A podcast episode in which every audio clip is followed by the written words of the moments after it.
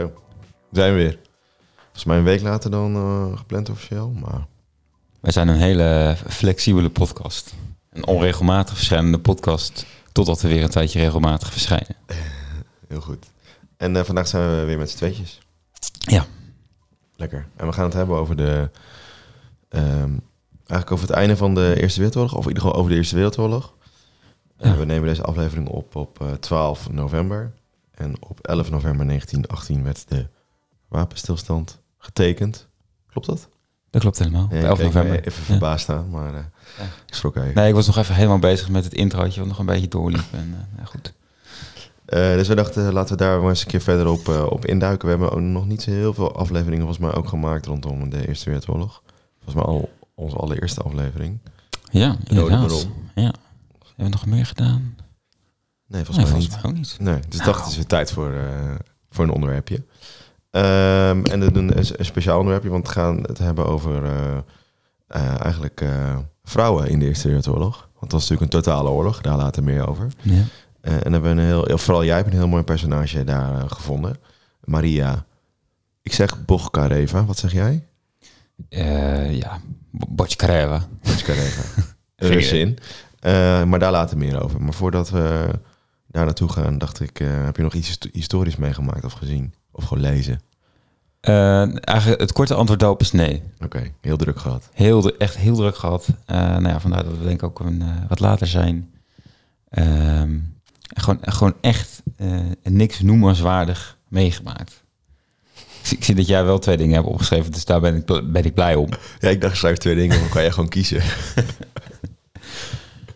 dus eh, kies maar wat. Ehm, even kijken, ik kan hier kiezen uit eh Sinterklaasjournaal of Vikingen in Noord-Amerika. Doe maar Dan Sinterklaas. ga ik voor Sinterklaasjournaal. Nee, ja, dat... eh, het overviel me een beetje eigenlijk. Dat het alweer begonnen was. Dat het alweer begonnen was. Ik ben er donderdag uh, viel ik er opeens in, of woensdag. Dus ik dacht, is het nou dit weekend, volgend weekend? Nou, bleek dit weekend te zijn, denk ik redelijk vroeg. Voor eh, normaal gesproken. Ja, is volgens mij altijd wel rond deze periode, toch? Gewoon de eer tweede zaterdag van Ja, maand. het is soms ook wel 16 november, weet je wel. Dus nu, nu zit je wel echt een beetje, Oh, eh, een beetje vroeg.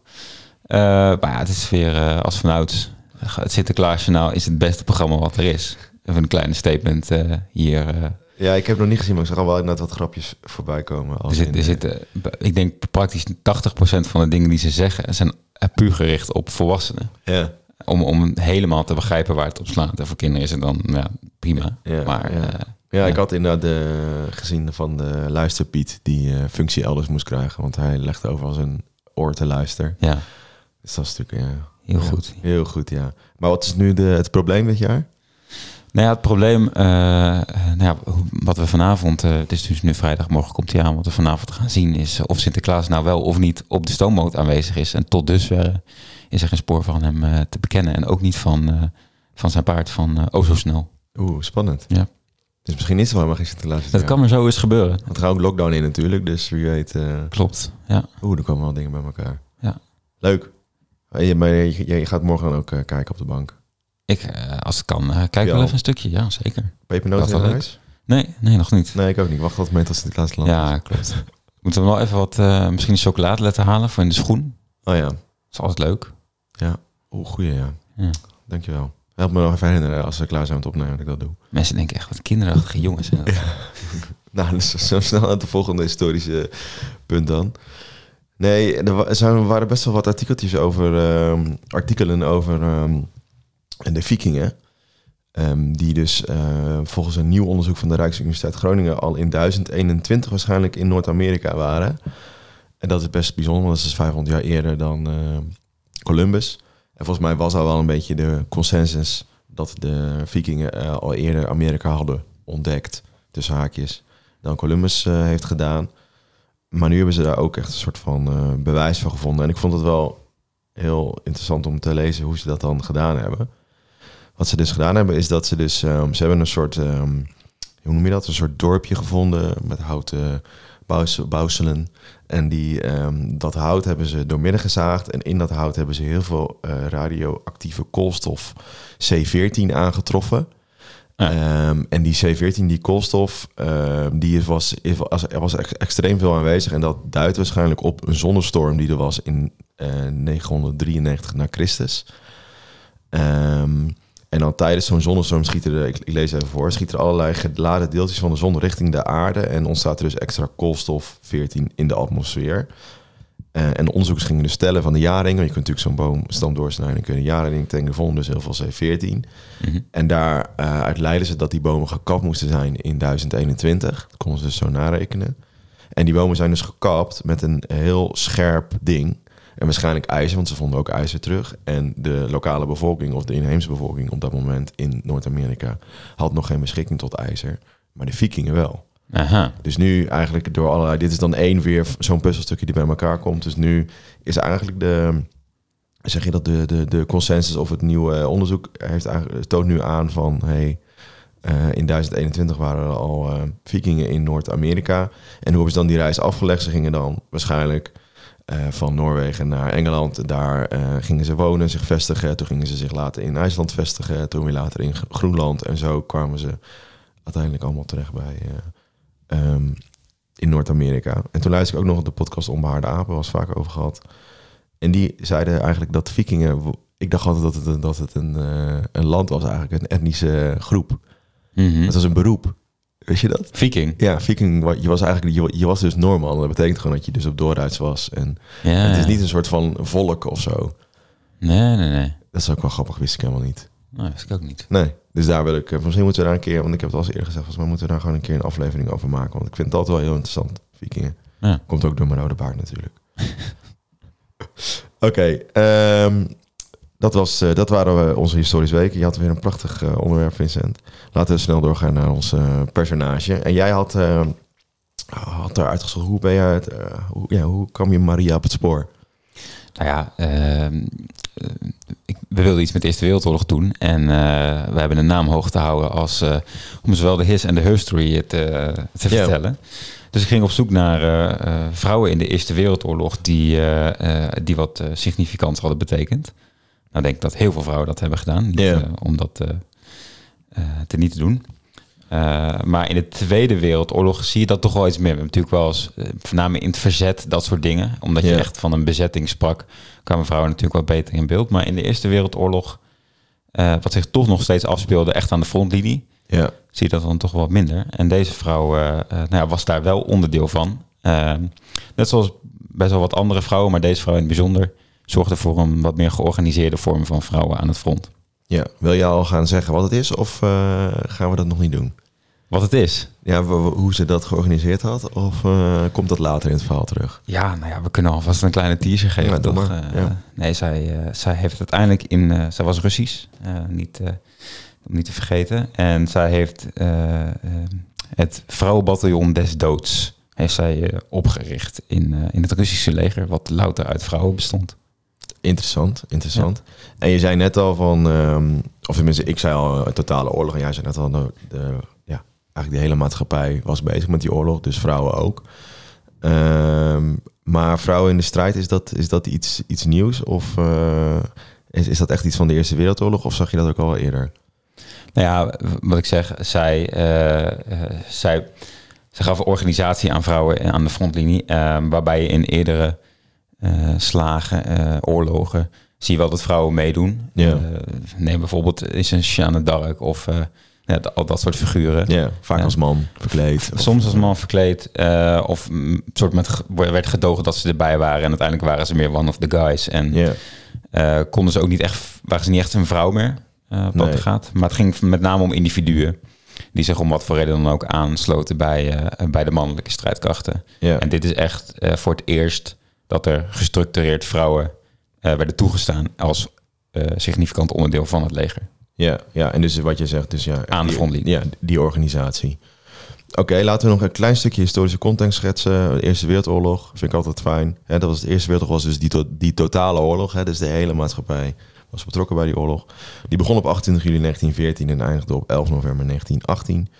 De oorlog ging eigenlijk tussen twee grote fronten of twee grote machten. De geallieerden, dat waren onder andere het Verenigd Koninkrijk, Frankrijk en Rusland.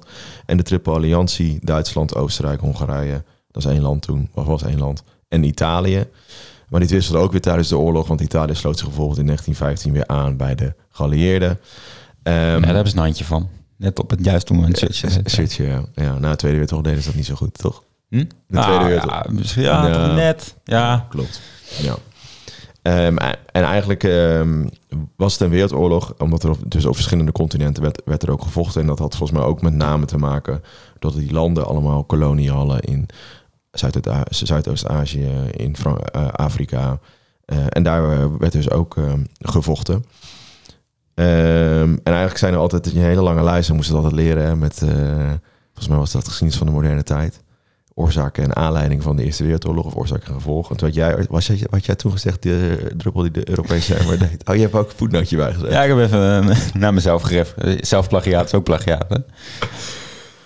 Mag ik dit verhaal vertellen? Ja, zeker.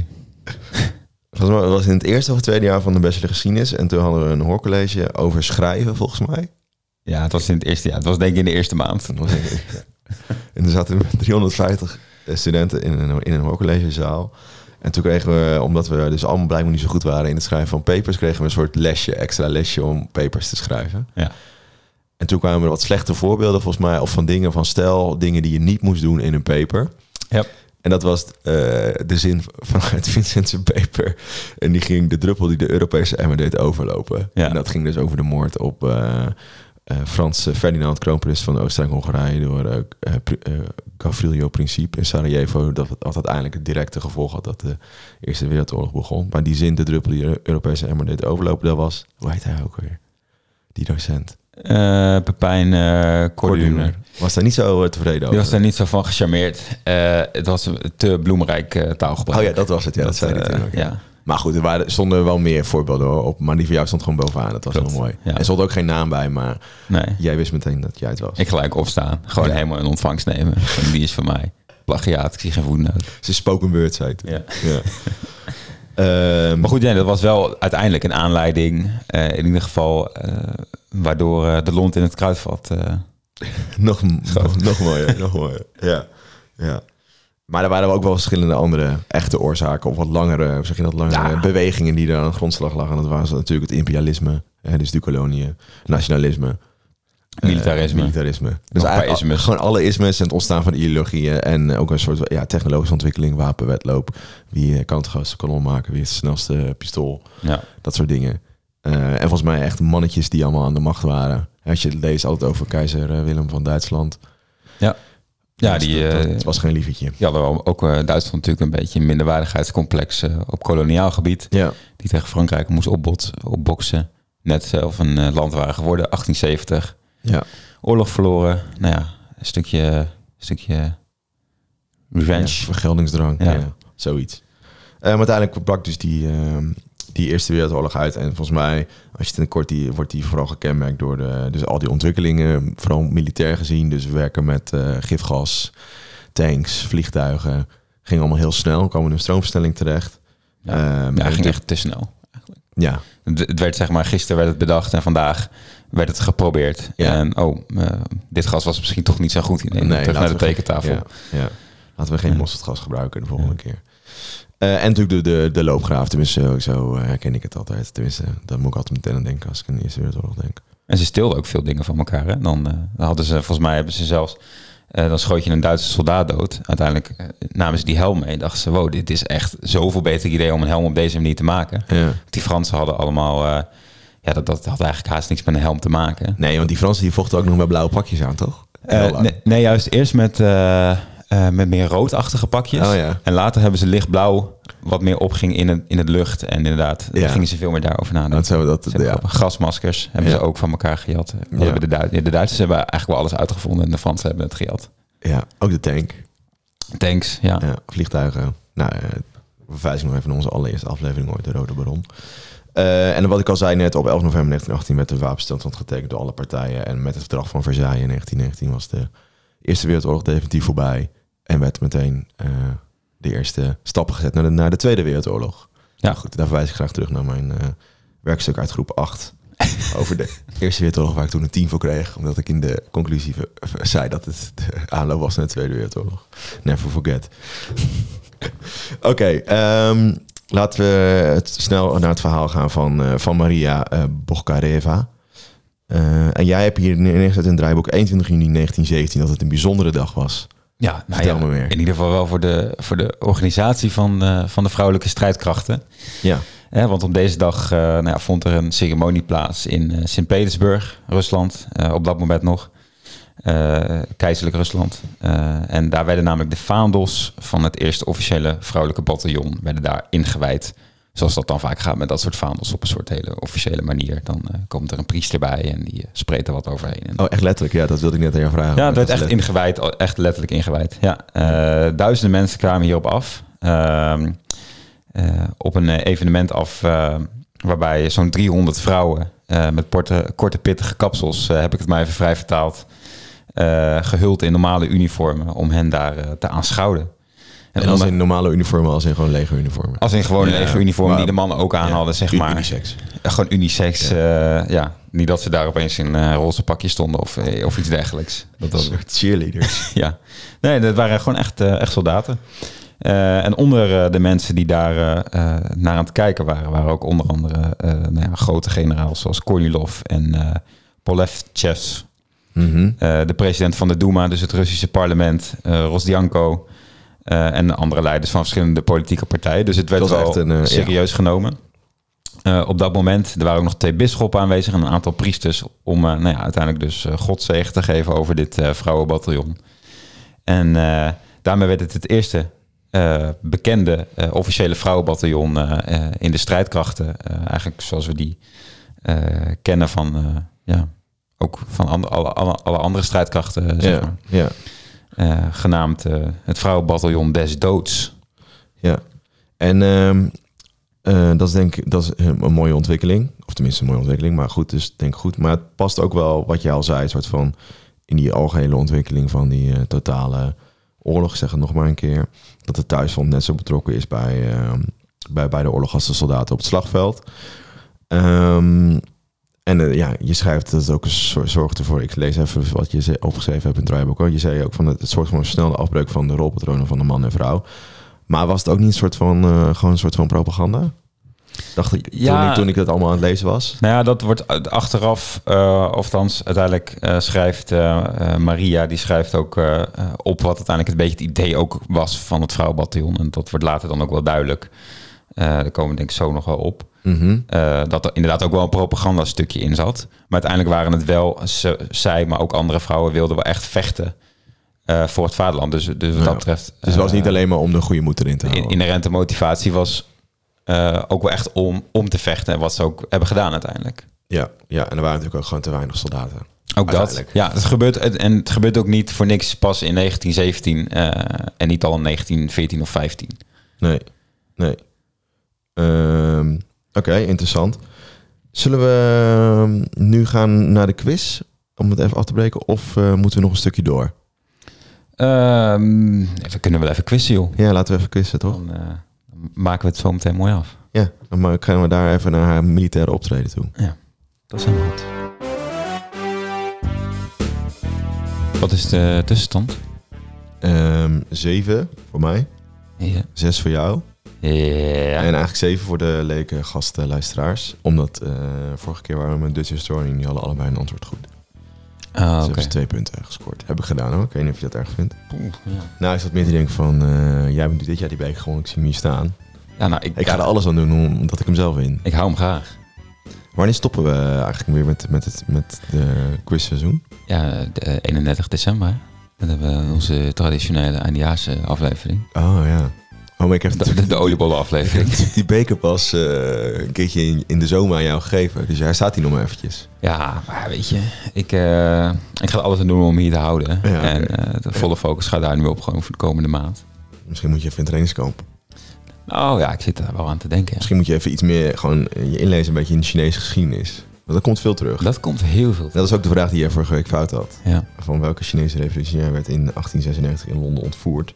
Maar kwam weer vrij door bemoeis van de Britse overheid. Dat was uh, Sun Yat-sen. Ja. En mijn vraag ging iets over uh, wat was de eerste vrouwelijke Chinese keizerin. En die had ik volgens mij niet waar gedaan. Het was waar. Hm. Um, dus we hadden ze allebei fout. En eh, nou, wil jij dan beginnen om te kijken of je, het, of je de aansluitingstreffer kan maken? Of, eh, Ja, kom op. of niet? Ja, kom op. Nou, ik hoop niet dat het weer een Chinese vraag is. Stop. Leuk. Ehm, we zijn ehm, eh, in de periode 1900-1924 en kies maar uit een vraag tussen de 50 en 61. 1924. Ja. Oeh, Misschien wel iets over de Eerste Dat Wereldoorlog. zou leuk zijn. Eh, waar mocht ik tussen kiezen? 50 en 61. Dan ga ik voor 61. Dan hoop ik op Eerste Wereldoorlog. Nou, heeft er iets mee te maken. Welke ten ondergang genoemde koninklijke familie is op deze foto te zien? Oh. Aha. Ja, dat heeft er alles mee te maken natuurlijk. Ja, Dat zijn de, de Tsarenfamilie is dat. ja. Dat zijn de Romanovs. Ik denk dat het klopt hoor. Ja? Als je het Tsaren familie had gezegd, was het ook goed hoor. Maar volgens mij is het inderdaad officieel de Romanovs. Ik zal nog even voor checken bij de antwoorden. Zullen we zo nog wel even op terugkomen, denk ik. Ja, staat hier de Russische koninklijke familie. Oh, Maar goed, nou voor ja. mij, jij hebt gewoon nog de achternaam ook nog gezegd. Dat is dan... Ja, dat is één extra punt dan toch? Nee, nee, Oh. dat moet streng zijn. Nou, komt ie. Dus eh, zeven punten voor jou. 7, 7, 7 staat dan nu. Ja, 7, 7, 7. Ehm, s- stop. Eh, zelfde periode, Leuk. maar dan 89 Dat- dat tot wilde 100. Eh 91. 91. Waar staat het woord nazi voor? N-A-Z-I. Nazi. Dit is dezelfde periode 1900, 1924. Ja, toen Oh. waren ze er al. Die Die jongens jongens van vroeg de bij. Ehm, ja, 92. zo. Ik denk gewoon iets van nationaal socialist. Maar het, waarschijnlijk is het altijd iets anders zijn. Hè? Even zien hoor. Kun je het vinden? Ja, het gaat helemaal niet goed hier. Ik stond het even in, de, in een ander boek te kijken. Even zien. Eh, wat was jouw antwoord? Zo. Ja, iets van nationaal socialist of zo. Iets met, die, met, die, met de NSDAP. Ja, dat is wel goed. Wat is het officieel dan? Eh, Het is de verkorte vorm van Nationaal Socialistische Deutsche Arbeidspartij. Ja, dus NSDAP. Ja. ja. Maar waar zat dat met een Z zijn? Dat is... eh, Socialistisch. Ja, van socialistisch Ja. met een Z. Ja. Oké. Eh, zullen we nog één vraag stellen voor de luisteraars? Ja, eens even zien. Zou ik iets met de Eerste Wereldoorlog ook doen? Dat is Ja. misschien leuk. Ik zag eentje net staan, die was wel leuk. Eh, welke was dat? Hier, oh. ehm, deze. Die? Ja, nee, die met die krant. Wat was de naam van de krant die tijdens de Eerste Wereldoorlog in de loopgraven door Britse troepen werd geproduceerd? Ik zou het niet weten. Nee, ik ook niet. Dan zoek even meteen op, dan kunnen we het eh, niet benoemen. Kunnen we het niet benoemen? Ja, anders geef, het, antwoord zeg. Spannend, spannend, spannend. Gaat er een belletje rinkelen? Nee, bij je? zeker niet. Leuk, leuk. Nou, dan gaan we die stellen op, eh, op de Instagram en eh reageren via DM of op die quizvraag in onze stories. En wie weet eh Ga jij naar huis met de eer? word je benoemd in de volgende, krijg je een shout-out in de volgende aflevering. Oké, laten we snel teruggaan naar, eh, naar onze hoofdpersoon van vandaag, namelijk de aanvoerster en oprichter van het bataljon, eh, eerste vrouwelijke bataljon des doods in het Russische leger, Maria eh Bogkareva. Ze is ook wel bekend als, eh, als Jaska. En het is wel goed, denk ik, om nog even haar, eh, hoe zeg je dat, haar eerste levensjaren te schetsen voordat we dieper in gaan duiken op haar militaire eh, verleden. Ze werd geboren in Siberië in 1889 in armoede en waarschijnlijk ook in enorme kou.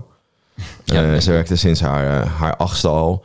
En ehm, eh, ze, trouwde met een alcoholische man. Daar kreeg ze een minnaar van. Dan vluchtte ze weer. Dus ze had best wel veel eh, struggles. Maar ook niet heel veel te vinden verder eigenlijk over haar, eh, over echt, haar echte jeugd. Ehm, de gevoelens, of tenminste de, de, de aanwakkerende oorlog in 1914, eh, de, het- ontstaan van militarisme nationalisme, wakkerde ook dus haar patriotische, dus nationale gevoelens aan. En ze besloot om die minnaar die ze had te verlaten, om te gaan vechten voor haar vaderland. En ze schreef hierover, dag en nacht bracht mijn verbeelding mij naar het slagveld. Mijn oren suisden van de kreten van mijn broeders. Het gevoel van opoffering nam bezit over me. Mijn land riep me. Een onweerstaanbare innerlijke kracht trok aan me. Dus ze had echt zin in. Ja. Kortom. Eh, en daarom verzocht ze ook de tsaar, hè, waar, jij, waar jij het net in je quizvraag over had. Dus eh, de, de Rome of de koninklijke familie om dispensatie om zich toch te voegen bij de strijdkrachten. Ze kreeg ook uiteindelijk die dispensatie en uh, diende op uit, uitzonderlijke wijze. Want ze raakte twee keer gewond. En hiervoor kreeg ze het Sint-George kruis voor, voor moed.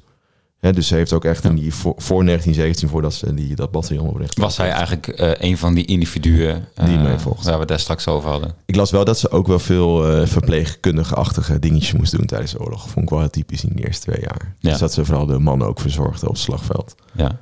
Zou dat dan ja, zo groeien of zouden ze dat zelf ook gewild hebben? Maar goed, dat weten we ja. niet. Maar... Ik denk dat, dat je misschien gewoon geen wapen kreeg.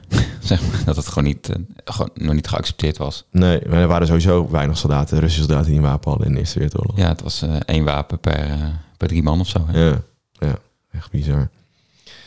Um, en toen kwam uiteindelijk in 1917 de Oktoberrevolutie. De Bolsjewieken kwamen dan macht. Lenin was met een trein met Duitse hulp, want die dachten zo kunnen we de Russische strijd verzwakken. Was die in, in Rusland aangekomen. Um, en Lenin kende natuurlijk allemaal een soort van de grondlegger van het communisme. Die wilde gelijkheid voor iedereen, meer rechten voor de boeren. Uh, en zij omarmde dat gedachtegoed met beide armen. Want ze dachten, ja, nu kan ik ook weer, of nu kan ik, word ik gelijk als mijn broeders op het, um, op het slagveld. Uh, maar die Oktoberrevolutie die veroorzaakte eigenlijk vooral andere dingen. En dat was dat de minder aandacht ging naar de grote oorlog in Rusland. En meer aandacht ging naar de innerlijke, zeg je dat, binnenlandse strijd. Binnenlandse burgeroorlog die er gaande was tussen de Bolsjewieken het leger, uh, de Tsarenfamilie. Ja.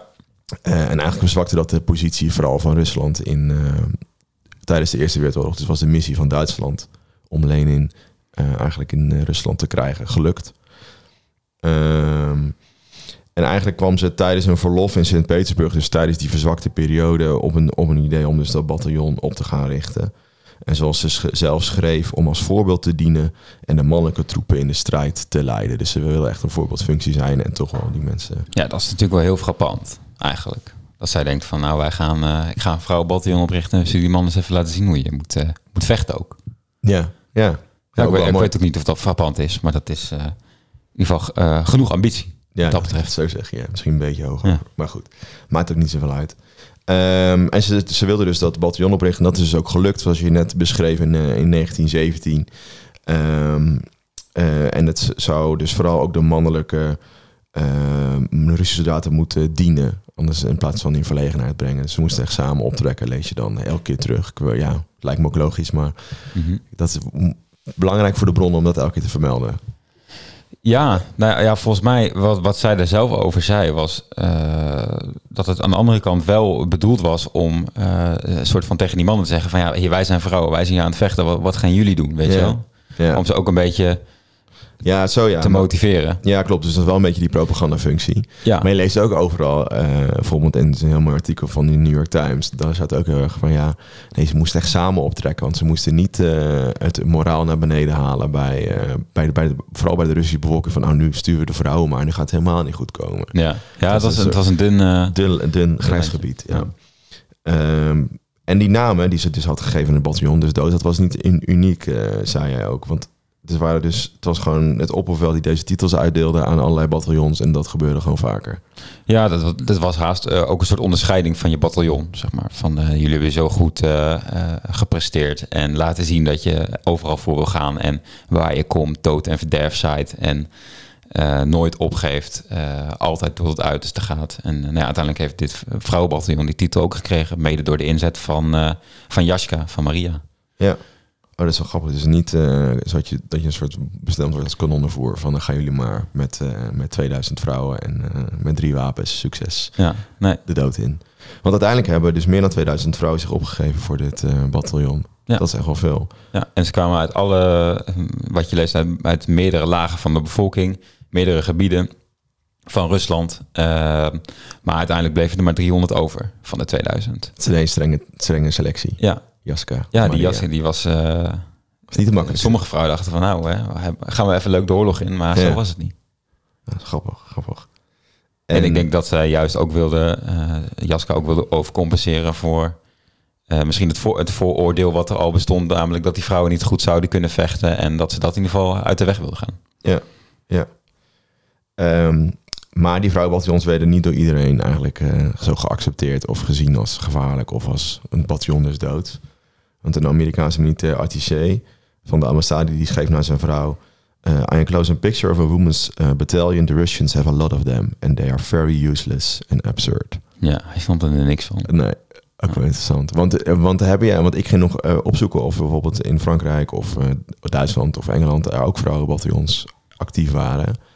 Nou, lees je niet, niet, heel, niet zo als in, in Nee. het Russische leger over. Nee, je ziet wel dat, eh, zeker door die totale oorlog en naarmate de oorlog vordert, de vrouwen eigenlijk steeds meer naar het slagveld opschuiven. Ja, Eh, omdat de mannen ook steeds verder naar het slagveld opschuiven. Eigenlijk, er gaan steeds meer mannen dood en moeten steeds meer mannen bij. ja, Eh, uiteindelijk worden oudere, jongere mensen worden weggetrokken uit de fabrieken. Nou, de vrouwen gaan naar de fabrieken. Uiteindelijk gaan de mannen uit de fabrieken gaan naar de eh, meer achter de frontlinie in de logistieke diensten en dat soort dingen. Nou, die gaan uiteindelijk naar de frontlinie. Vrouwen gaan naar die plek. En zo zie je wel dat de vrouwen steeds dichter bij het slagveld komen.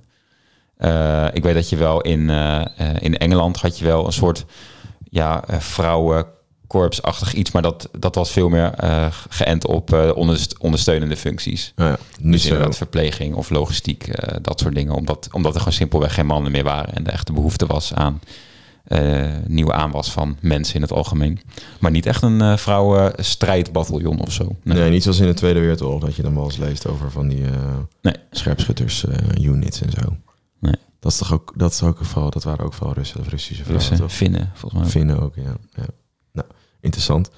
Ehm, en dan komen we eigenlijk weer uit bij die, bij die, bij die oktoberrevolutie, want die modderde natuurlijk voort in, in, in Rusland. En dat heeft best wel een impact gehad op het leven van, van Maria verder. Ehm. Kan je er iets meer over vertellen, Vincent? Nou ja, haar, eh, eh, haar eenheid was... eh, het was toen in principe nog Rusland, hè, toen met die revolutie. Dus zij zat in het Russische leger. Ja, dus zij heeft wel meegedaan aan te, om te strijden tegen de Bolsjewieken. de Bolsjewieken eigenlijk. Terwijl ze het wel omarmde, dat gedachte. Terwijl ze ja, op zich wel de voordelen daarvan inzag. Ja. Zeker voor vrouwen en minder, mensen uit mindere klassen. Mhm. in ieder geval op voorhand leek het allemaal best aangenaam. Ja. Eh, uiteindelijk hebben ze niet eh, meegevochten eh, bij de verdediging van het, van het winterpaleis van, van de tsaar. Die daar natuurlijk om het leven kwam. Ehm, maar toen uiteindelijk de Bolsjewieken wonnen, ehm, eh, is, zij, is zij opgepakt en is zij teruggebracht naar Petrograd. Zoals dat, dat toen heette, Sint-Petersburg. Ja. De Sovjetnaam daarvan. Ehm, en uiteindelijk, ja, heet dat? Eh, ik zoek even het woord. Ik weet niet, eh, sorry. Niet, eh, Slaagden ze erin, Oh. zo, goedemorgen. Slaagden ze erin om... Sloeg. Of sloeg. Sleeg. Ze sleeg erin. Om, om, haar, om weer bij haar familie te komen in Tomsk. In het voorjaar van eh, 19, eh, 1918. En daar kreeg ze een, eh, een bericht van, eh, eh, van generaal Kornilov. Die, die we al eerder bespraken. Die ook bij de instelling was. Ja. En echt wel een supporter was van de instelling van haar bataljon. Om, om daar een telegram af te leveren. Want hij, hij zat nog steeds in de strijd tegen die Bolsjewieken. Had hij zich verscholen in de Caucasus. Mhm. Uiteindelijk is ze daar eh, naartoe gegaan. Ehm, eh, toen ze daarvan terugkwam, nou ja, dat stelde de Bolsjewieken niet zo op prijs. En hebben haar toen ieder geval nog de kans geboden om het land eh, eh, te verlaten met haastige spoed. Ja. Uiteindelijk is ze naar Vladivostok gegaan, helemaal in het oosten van Rusland. En heeft ze daar de oversteek naar, eh, naar de Verenigde Staten gemaakt. Om En dan daar- mocht ze zelf nog langskomen bij de Amerikaanse president. ja, uiteindelijk is ze daar gesponsord door, door een vrouwelijke filantroop.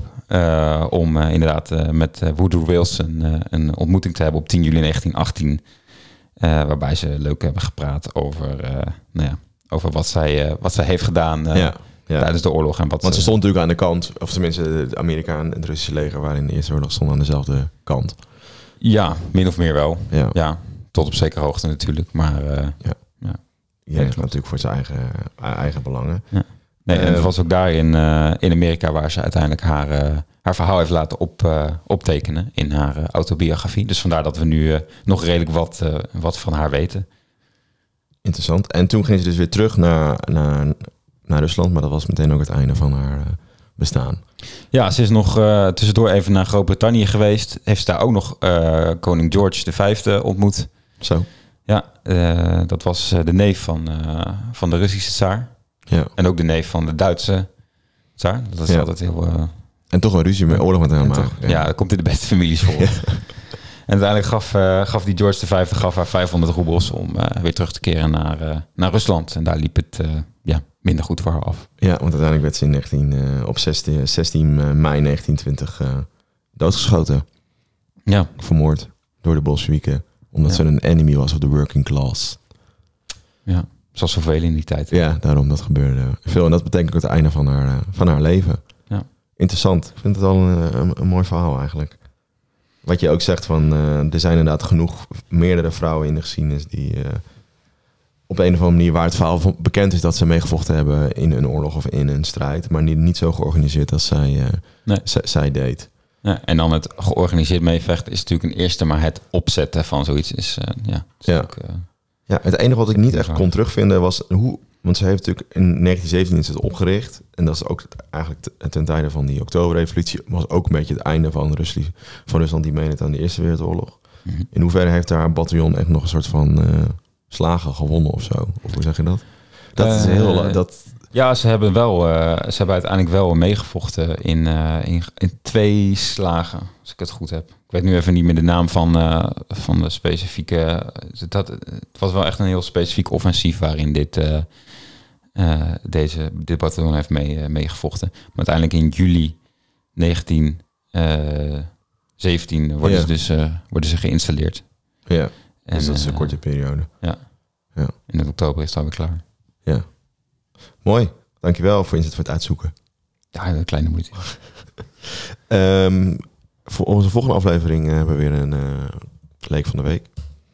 Dus eh, mocht je, eh, mocht je, ja, bij, je, bij deze ben je ook uitgenodigd om een keer, eh, sorry, ik was even afgeleid, maar bij deze ben je ook een keer eh, uitgenodigd om, eh, om langs te komen. Stuur ons gewoon een berichtje.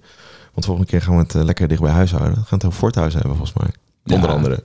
Parel van de, van de Veluwe. Nee, en of het dan de Veluwe is, Ik kunnen we even over wedijveren. Ik weet niet dat het is. Het is de Gelders Vallei. Poort van de Veluwe dan. Poort van de Veluwe, ja. Of Poort van de Gelderse Vallei. Ja, lastig, lastig.